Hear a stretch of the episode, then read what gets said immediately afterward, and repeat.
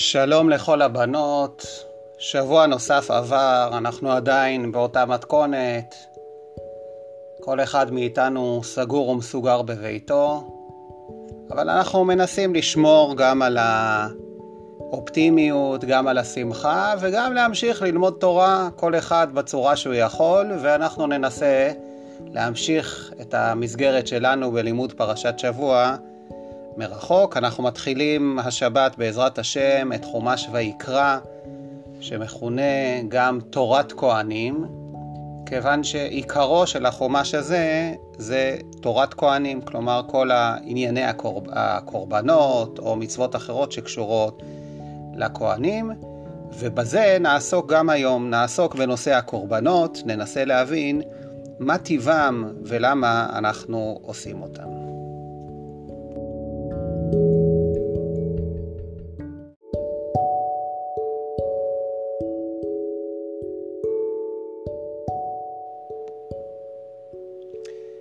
אז נתחיל. בדף שקיבלתם אה, חילקתי את הדברים אה, פשוט בשביל הנוחיות לחמישה קטעים. שלושה מהם מתייחסים לרמב"ם במורה נבוכים, ושניים מהם מתייחסים לרמב"ן, רבי משה בן נחמן, בפירושו לפרשתנו. והשאלה שאנחנו ננסה להבין היום, כמו שכתוב בכותרת, זה טעמי הקורבנות. למה בעצם יש את כל העניין של הקורבנות? אנחנו היום לא כל כך מכירים את הקורבנות, זה הכל נראה לנו רחוק, אבל uh, למעשה אנחנו uh, מתפללים כל הזמן שיבנה בית המקדש במהרה בימינו, ונחזור לעבוד את כל העבודות שעבדנו בבית המקדש. אנחנו אומרים בתפילה, והשב את העבודה לדביר ביתך, ואישי ישראל ותפילתם באהבה תקבל, ברצון. אישי ישראל, לפחות לפי פירוש אחד, זה כמו שאנחנו אומרים קורבן אישה, כלומר הקורבנות של ישראל. אז uh, השאלה היא, בשביל מה בכלל הקדוש ברוך הוא רצה שנקריב קורבנות? מה יוצא לקדוש ברוך הוא מהקרבת הקורבנות?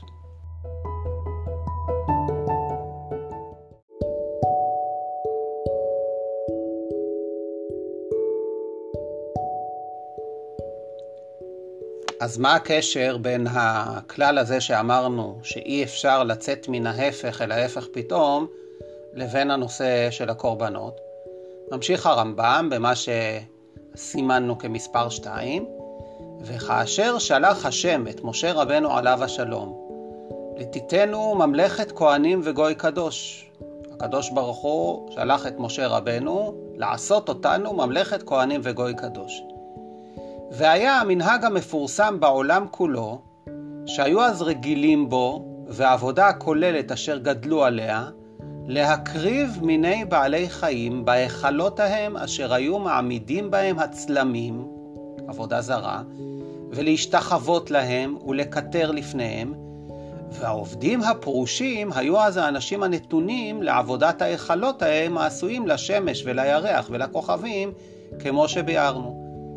כלומר, המנהג שהיה באותם ימים, כלומר, כאשר הקדוש ברוך הוא שלח את משה רבנו לתת לנו את התורה, מה שהיה מקובל בעולם כולו, זה היה שעבודה לאלוה הייתה באמצעות הקרבת בעלי חיים.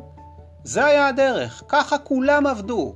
כלומר, כשבני ישראל היו צריכים לקבל את התורה, משה רבנו בעצם אמר, רגע, בני ישראל הרי מכירים את המציאות שקיימת בעולם כולו.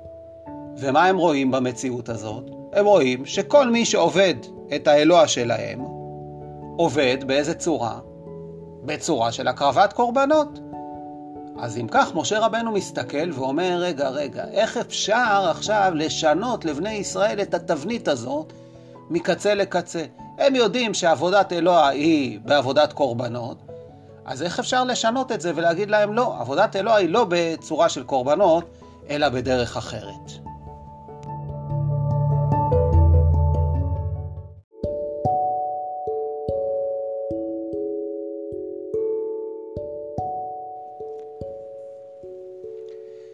אז כמו שאמרנו, יש לנו שני מקורות שאנחנו נלמד. המקור הראשון הוא בדברי הרמב"ם בספר מורה נבוכים. הרמב"ם כתב אה, גם אה, את הספר המפורסם, או יותר נכון את סדרת הספרים המפורסמת, היד החזקה, שהיא אה, סדרת ספרים על הלכה. 14 ספרים על אה, הלכות כל הנושאים שאנחנו למעשה צריכים בחיי היום-יום, ומורה הנבוכים זה ספר בענייני מחשבה, הגות יהודית, והרמב"ם מתחיל בעיקרון, זה מופיע פה בעניין, בהדגשה, שאי אפשר לצאת מן ההפך אל ההפך פתאום, ולזה אי אפשר לפי טבע האדם שיניח כל מה שהרגיל בו פתאום. הרמב"ם אומר לנו דבר מאוד מאוד פשוט, אנחנו כולנו מכירים את זה.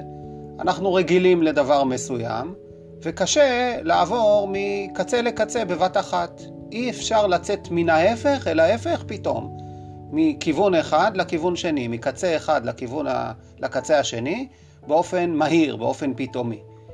מה העניין פה? לזה אי אפשר לפי טבע האדם שיניח כל מה שהרגיל בו פתאום. האדם, באשר הוא אדם, יש לו הרגלים מסוימים, וההרגלים האלה הם אלה שהוא פשוט הולך איתם כל הזמן, ופתאום יגידו לו בבת אחת תשנה את ההרגלים שלך, האדם לא מסוגל לעשות את זה. הוא יכול לשנות הרגלים, אבל איך? כשזה לא יהיה פתאום, כשזה לא יהיה מיידי, כשזה לא יהיה מהיר, זה לעשות את זה בצורה הרבה יותר איטית, לאט לאט, שלב אחרי שלב.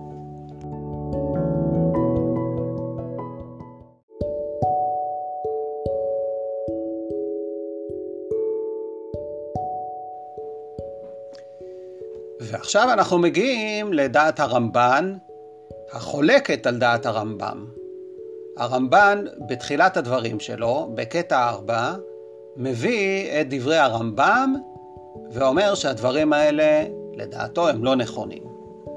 בואו נראה את מה שכתוב בקטע 4. והנה בכתוב הזה טעם הקורבנות, שהם אישי ריח ניחוח להשם. זה הסיבה שיש קורבנות, בהמשך נראה למה הוא מתכוון. ואמר הרב, הרב זה הרמב"ם, במורה הנבוכים, כי טעם הקורבנות בעבור שהמצרים והכסדים, כל האומות שהיו בזמן שבני ישראל קיבלו את התורה, אשר היו ישראל גרים ותושבים בארצם מעולם, כלומר זה מה שבני ישראל ראו, היו עובדים לבקר ולצאן וגומר. כמו שראינו בדברי הרמב"ם, שכל הסיבה היא כיוון שבני ישראל היו רגילים במקומות שהם נמצאים, שכך עובדים את האלוה באמצעות קורבנות. על הדברים האלה אומר הרמב"ן דברים קשים מאוד. והנה הם דברי הוואי, במילים שלנו נגיד אה, דברים שהם לא לעניין, הם בכלל לא נכונים. ירפאו שבר גדול וקושייה רבה על נקלה. כלומר, יש לנו איזו בעיה מאוד גדולה, קושייה מאוד גדולה, ונותנים לו, לדבר הזה איזה פתרון קל על נקלה.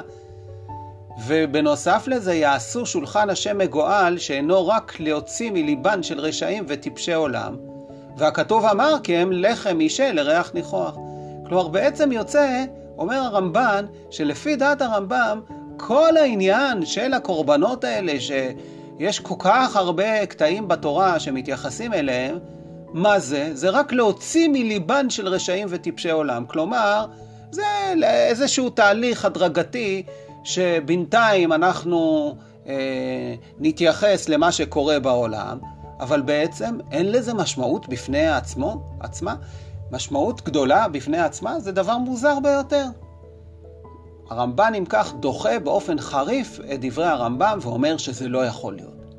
אז אם כך, אז מה כן הסיבה שיש קורבנות לפי דעת הרמב"ן?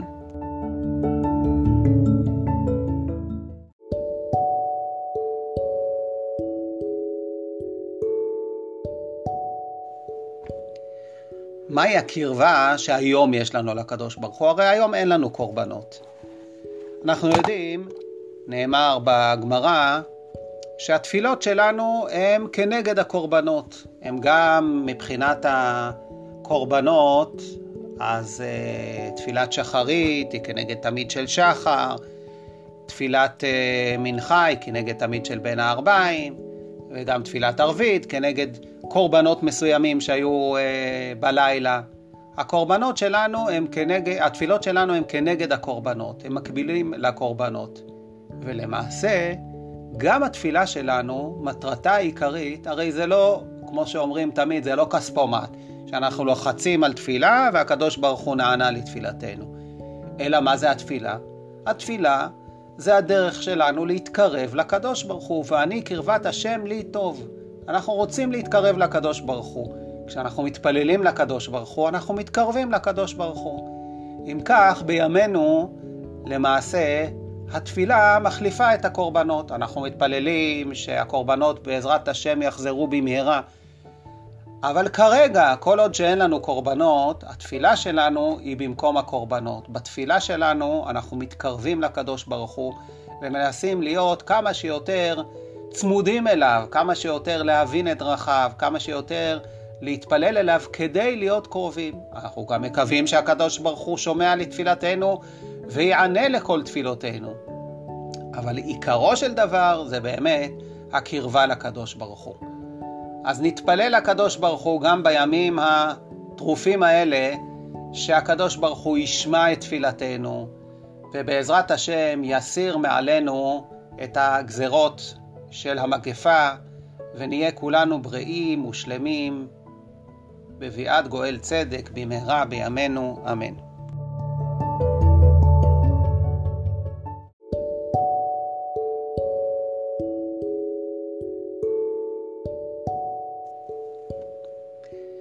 הרמב"ן משאיר אותנו קצת במתח לפני שהוא עונה על השאלה הזאת, מה באמת הסיבה של אה, הקורבנות. הוא רמז לנו שהם אישי ריח ניחוח להשם, לחם אישי לריח ניחוח, אבל עוד לא הבנו בדיוק למה הכוונה. והרמב"ן ממשיך ומוכיח שלא יכול להיות שהסיבה שהרמב"ם אמר שזה בא, כל הקורבנות רק המשיכו את המצב הקיים שהיה בעולם, ולהוציא מליבם של אותם אה, אנשים שהיו אז, היא הסיבה הנכונה, והרמב"ם מביא כמה הוכחות לזה שלמעשה היו קורבנות בעולם עוד לפני שהיו כל עובדי העבודה זרה האלה, הכסדים או המצרים.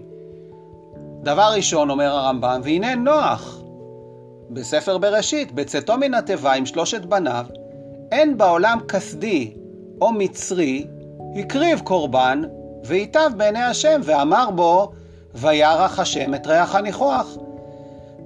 וממנו אמר אל ליבו להוסיף לקלל עוד את האדמה בעבור האדם.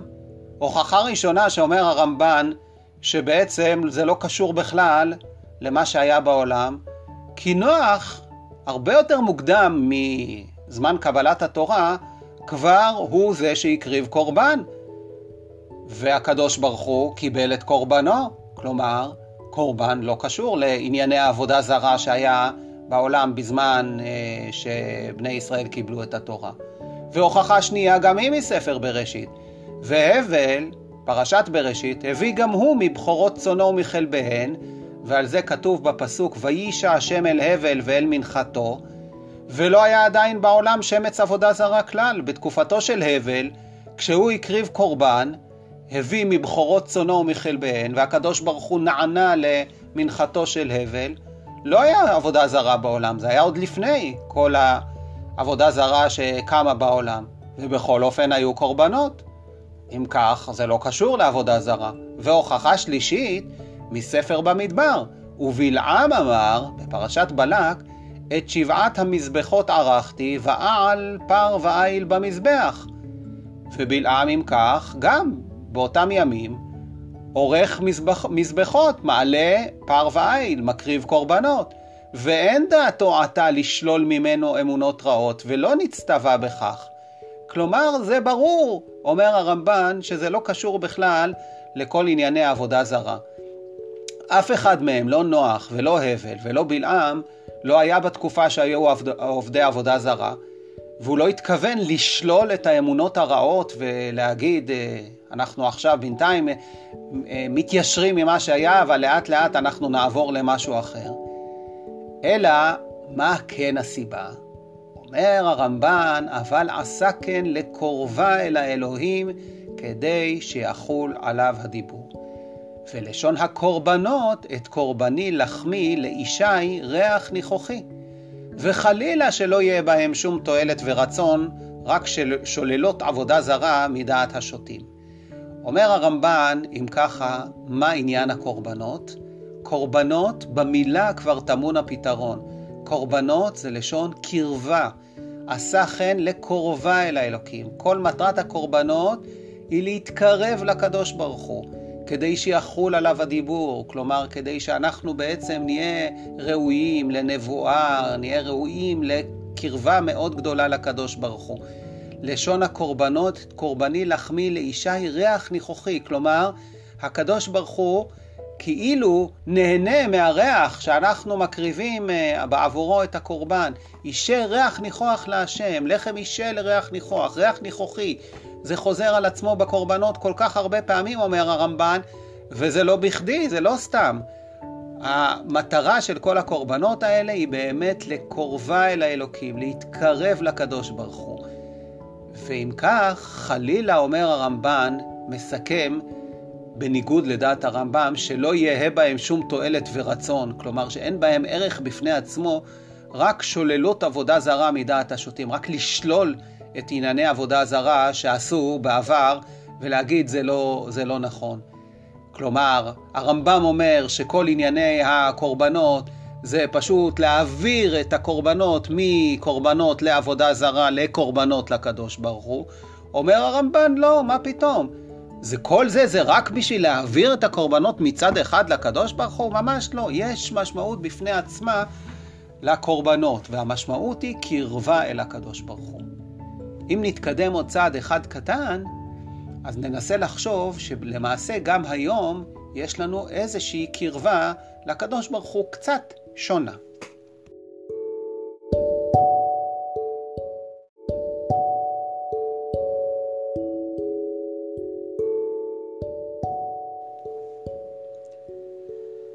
לכן ממשיך הרמב"ם ואומר, בקטע שמסומן במספר 3, לא גזרה חוכמתו ותחבולתו המבוארת בכל בריאותיו, שיצוונו להניח מיני העבודות ההם כולם ולבטלם, כי אז היה מה שלא יעלה בלב לקבלו, כפי, כפי טבע האדם שהוא נוטה תמיד למורגל, והיה דומה אז כאילו יבוא נביא בזמננו זה, שיקרא לעבודת השם ויאמר, השם ציווה אתכם שלא תתפללו אליו ולא תצומו ולא תבקשו תשועתו בעת צרה, אבל תהיה עבודתכם מחשבה מבלתי מעשה.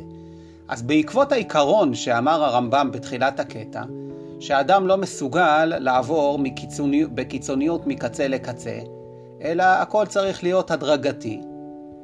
אז אומר הרמב"ם שהקדוש ברוך הוא הבין שלא נכון עכשיו להניח את כל מה שהיה בעולם, לעזוב את כל מה שהיה בעולם שהיו רגילים לעבוד את האלוה באמצעות קורבנות, בגלל שאנשים לא היו מסוגלים לקבל את זה. למה? כי האדם, טבע האדם, שהוא נוטה תמיד למורגל, האדם תמיד הולך אחרי מה שהוא רגיל.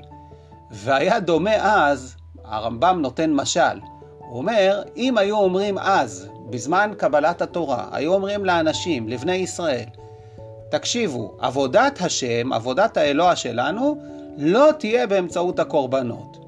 אנשים היו מסתכלים ואומרים, מה? אז מה זאת אומרת? איך אפשר לעבוד אלוה בצורה אחרת? והמשל לזה, כאילו יבוא נביא בזמננו זה, ממש היום, בימים אלו, שיקרא לעבודת השם, יבוא נביא ויגיד קדימה, עובדים את השם, עובדים את הקדוש ברוך הוא. אבל מה הוא יגיד? אבל תשמעו, אתם יודעים איך עובדים את הקדוש ברוך הוא? לא בתפילה, לא בצום, לא בפנייה לקדוש ברוך הוא, שום דבר כזה, אלא מה? במחשבה. אנחנו יושבים על הכיסא, חושבים. לא עושים שום מעשה, לא מתפללים, לא צמים, לא עושים מצוות. מה היינו אומרים לו? מה פתאום, לא ככה עובדים את הקדוש ברוך הוא, איך אפשר לעבוד ככה את הקדוש ברוך הוא? את הקדוש ברוך הוא עובדים בתפילה, במצוות, בצומות, בתעניות, בפנייה אליו, לא במחשבה, צריך לעשות משהו, צריך לדבר, צריך לפעול. בדיוק זה מה שאומר הרמב"ם. אי אפשר לשנות מקצה לקצה את מה שאנחנו מכירים, במיוחד לא בעבודת אלוה. לכן, הכל צריך להיות בהדרגה. אם כך, נסכם את דעת הרמב"ם במורה נבוכים. הרמב"ם אומר, אתם יודעים למה יש קורבנות? בעצם כל העניין של הקורבנות זה משהו שהוא רק שלב להרגיל את בני ישראל לדבר שהם מכירים, וכיוון שהם מכירים את עבודת הקורבנות כעבודת האלוה, לכן הקדוש ברוך הוא אמר, אוקיי, זה יהיה עבודת האלוה שלכם.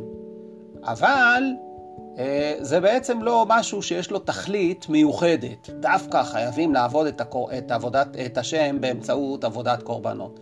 אלא שלב, שלב מסוים, כי אי אפשר לצאת מן ההפך אל ההפך פתאום. thank you